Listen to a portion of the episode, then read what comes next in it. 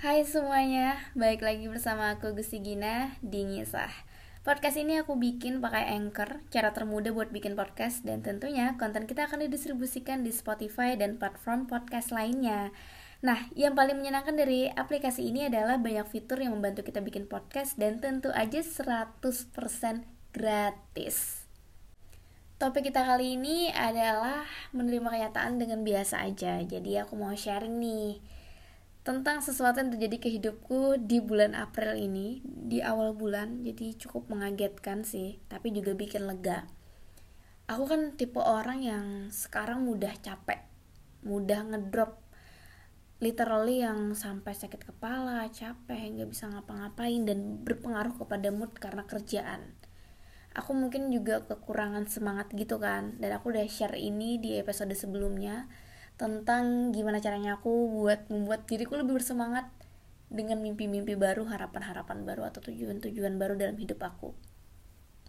Nah, balik lagi dalam menghadapi kenyataan. Bulan Februari, Maret kemarin tuh aku bener-bener sibuk banget. Sesibuk itu bagi aku tapi bagi orang yang lihat itu mungkin kayaknya nggak sesibuk itu sih nak. Kamu masih bisa Netflixan kamu masih bisa main masih bisa ketawa ke TV nggak sesibuk itu.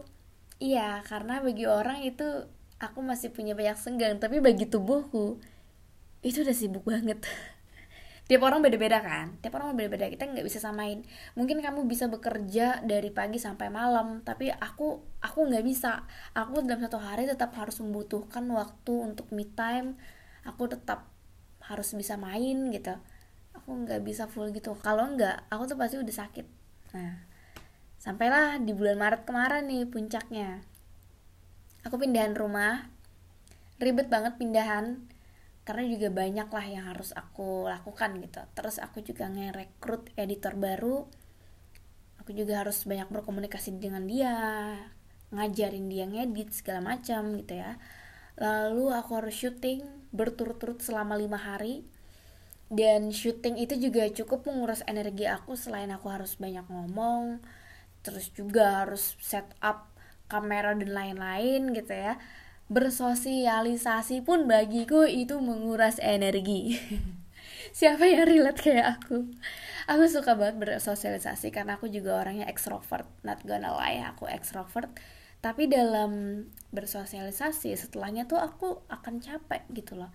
Dalam artian capeknya tuh ke fisik. Tapi kalau jiwa aku itu tuh aku fine. Aku malah kayak aduh senang banget habis ngobrol sama orang. Tapi tubuh aku yang langsung kayak tepar.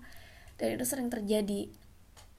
Setelah lima hari berturut-turut tanpa jeda itu aku syuting aku langsung nih kedatangan keluarga dari Kalimantan. Karena kita juga ada agenda gitu kan family trip lah. Kurang lebih selama dua minggu aku ke Bandung ke Bogor ke Jakarta. Itu ngajak keluarga besar aku buat jalan-jalan. Kita totalnya bersepuluh banyak kan? Ada empat anak-anak ah aku senang banget sih. Bener deh aku kayak bahagia banget gitu. Bahkan aku mengingat aja nih udah ter, udah berlalu kan family tripnya tuh aku kayak senang banget. Aku bahagia banget karena aku bisa menghabiskan waktu sama orang-orang yang aku sayangi. Sampailah ketika semuanya sudah berakhir kesibukan aku aku mengalami keanehan dalam uh, siklus menstruasi aku. Untuk pertama kalinya dalam hidup aku gitu ya aku haid lagi pada aku udah haid kemarin. Dan berjeda sekitar enam hari. Aku tanya nih ke teman-teman aku apakah pernah ngalamin hal yang sama? Karena teman-teman aku itu karena kelelahan atau stres gitu kan. Tapi aku orangnya yang tipikal harus make sure harus pasti baru bisa tenang. Karena kalau dari katanya katanya katanya itu aku bakalan oh oke. Okay. tapi aku belum tenang sampai mendapatkan jawaban pasti malamnya aku konsul ke dokter. Kata dokter aku kan konsul online gitu kan. Kata dokter lebih baiknya dilakukan USG sama pemeriksaan transvaginal gitu. Yaudah nih besoknya aku ke rumah sakit. Ke rumah sakit buat melakukan pemeriksaan. Nah ternyata nggak bisa langsung. Itu harus ada rujukan. Kebetulan kan aku pakai asuransi gitu kan. Jadi harus pakai rujukan dokter umum dulu nih. Dari fasilitas kesehatan yang mengcover asuransi aku. Besoknya aku akhirnya datang nih ke Opjin for the first time. Jadi walaupun udah menikah tiga tahun aku emang belum berencana hamil kan. Jadi aku belum pernah ke Opjin untuk memeriksa kandungan aku memeriksa segala macam tubuh aku lah untuk kesiapan hamil nanti. Dan aku rencana pengen sih tahun ini atau tahun depan tuh hamil kalau emang diizinkan. Singkat cerita diperiksa lah nih USG untuk pertama kali. Pemeriksaan terus vaginal pertama kali. Wah so nervous. Aku sampai lupa nafas loh. Karena itu benar-benar pengalaman yang tidak akan kelupakan untuk pertama kalinya. Alhamdulillah yang bikin aku lega aku sehat. Dalam artian tidak ditemukan kayak tumor, kista, miom, segala macam lah totally fine, baik-baik aja, sehat gitu. Tapi ada satu satu kondisi yang ini tuh bukan penyakit ya. Ini adalah kata dokternya sih pemberian Tuhan. Jadi memang ya udah emang kondisinya seperti itu. Dan ini tidak menjadi halangan untuk aku memiliki anak. Hanya saja hanya saja memang agak susah dibanding orang pada umumnya. Dan kata dokter ya 20 sampai 30 perempuan mengalami hal ini gitu. Ini bukan penyakit ya sekali lagi teman-teman. Cuman sebuah kenyataan yang memang terjadi pada diri aku gitu. Jadi kayak sebelum aku terlahir di dunia ini, aku memang di dalam perut ibuku sudah seperti itu. Jadi membuat aku agak susah hamil tapi bisa hamil tenang aja masih kalau misalnya aku diizinkan sama Allah terus aku juga punya kemampuan untuk itu.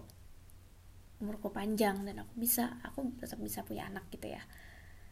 Cuman ada sebagian dalam hatiku sebagai manusia yang kayak ngerasa ya kayak gini ya? Wajar kan? Manusia kadang juga kita ngeluh atau bahkan sambat ya. Ya it's okay. Jadi ketika aku mendengar itu kata dokter kalaupun kamu nanti mau promil jadi harus benar-benar dipersiapkan ya. Dicek dipersiapkan ini itu. Dan ada tips trik khusus biar berhasil gitu kehamilannya. Oke okay. di satu sisi aku lega aku tidak punya penyakit di sisi lain aku harus menerima kenyataan aku memiliki kondisi tertentu.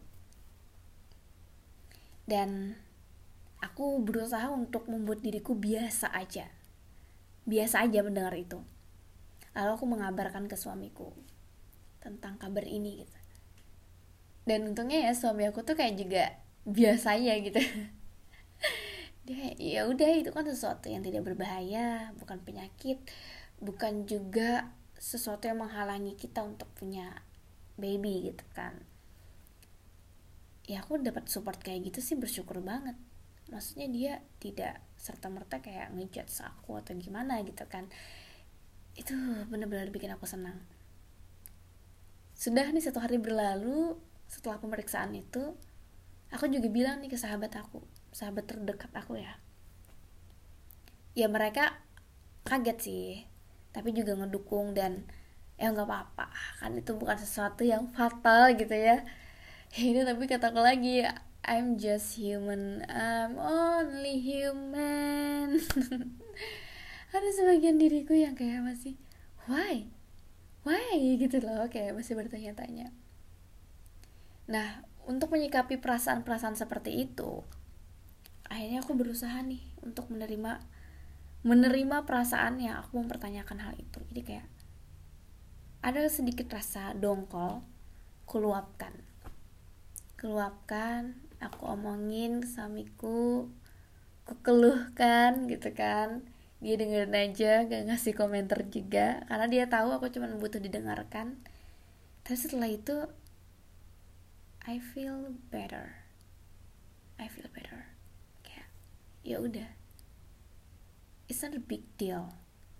Kadang setelah aku ngomong kayak gitu sama dia cerita berkeluh kesah aku langsung punya kayak aha moment gitu loh kayak langsung ting yeah it's not a big deal. Dan aku nggak perlu se stres itu gitu. Aku nggak perlu separah itu memikirkannya. Dan ya udah anggap aja biasa aja normal aja.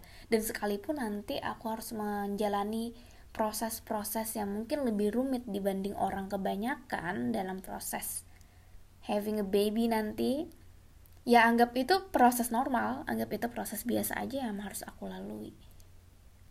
Aku nggak perlu cemas dan takut kepada sesuatu hal yang belum terjadi. Sekalipun itu nanti terjadi ya udah diterima aja itu pasti berlalu karena waktu tidak berhenti. Jadi ngapain kita cemas?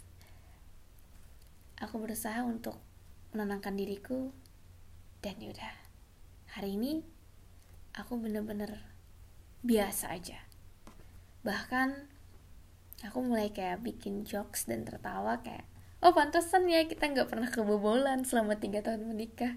Karena it's not easy to get a baby in my belly. Udah kayak bercanda gitu loh mungkin nanti kalau misalnya aku pulang kampung ada yang nanyain kenapa nggak punya anak? Kapan punya anak? Kalau biasanya aku jawab belum belum siap gitu kan. Atau aku biasanya jawab juga belum dikasih doain aja.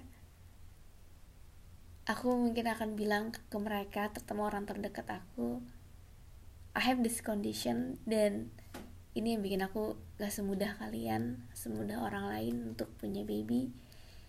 Dan doain aku. Aku bener-bener tulus dari hati aku aku minta doa kalian. Gitu. kadang untuk bersikap biasa aja kita harus menerima perasaan itu seaneh seperih sesakit atau sebagaimanapun perasaan itu harus diterima diakui kalau perlu diomongkan dengan orang yang kita percayai pasangan atau sahabat. Dan setelah itu kita akan merasa lebih baik sih. Dan menganggap oh perasaan itu biasa aja. Oke okay itu udah menjadi bagian dari diriku bagian dari hidupku jadi ya udah biasa aja. Mari kita menghadapi kenyataan dengan biasa aja.